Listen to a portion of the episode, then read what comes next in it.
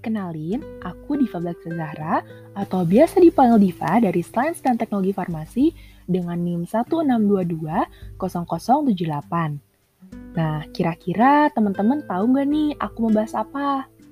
Clue-nya topik ini tuh sering banget ke-mention tiap tahun. Iya, bener banget, masalah pendidikan. Kurang lebih di podcast kali ini aku mau nemenin teman-teman buat ngebahas permasalahan pendidikan yang paling menonjol di Indonesia. Hal yang mau aku bahas pertama adalah masalah zonasi nih. Pasti kalian udah nggak asing sama kata ini. Ya, secara udah sering diomongin tiap tahun saat penerimaan siswa baru. Bisa jadi teman, saudara, keluarga, atau bahkan kalian sendiri udah pernah ngalaminnya. Nah, gimana tuh kira-kira pendapatnya? Ya, emang sih hal ini banyak pendapat pro kontra, tapi yang sering kalian temuin banyak banget kekurangan gak sih dari sistem ini? Bayangin aja, ada anak yang benar-benar belajar dengan sungguh-sungguh selalu dapat ranking pertama, kesulitan untuk masuk ke sekolah impiannya. Kalah dengan mereka yang mengandalkan jalur non-akademik.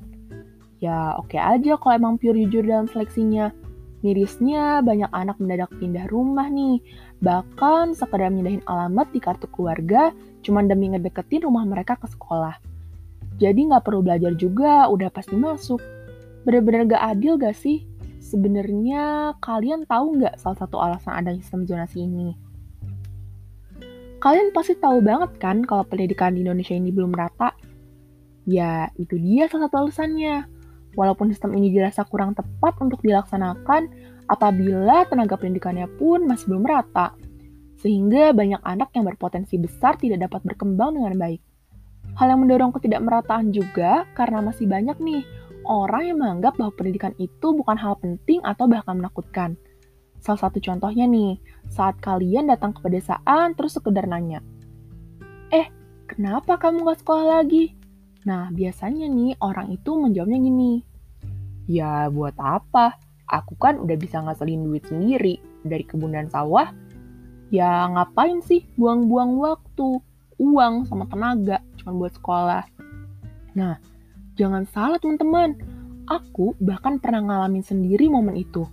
Berarti masih ada nih kesalahpahaman di benak mereka bahwa pendidikan formal itu hanya sekedar membuang waktu, uang, tenaga, bahkan sesuatu yang menakutkan masih banyak banget nih pemikiran bahwa pendidikan formal itu tujuannya cuma untuk ngasilin duit di perkantoran. Padahal, bayangin aja deh, kalau seandainya mereka menempuh juga pendidikan formal, mungkin aja mereka menemukan sebuah inovasi baru yang bisa meningkatkan kualitas dan daya jual hasil kebun kayak wah super menguntungkan banget gak sih?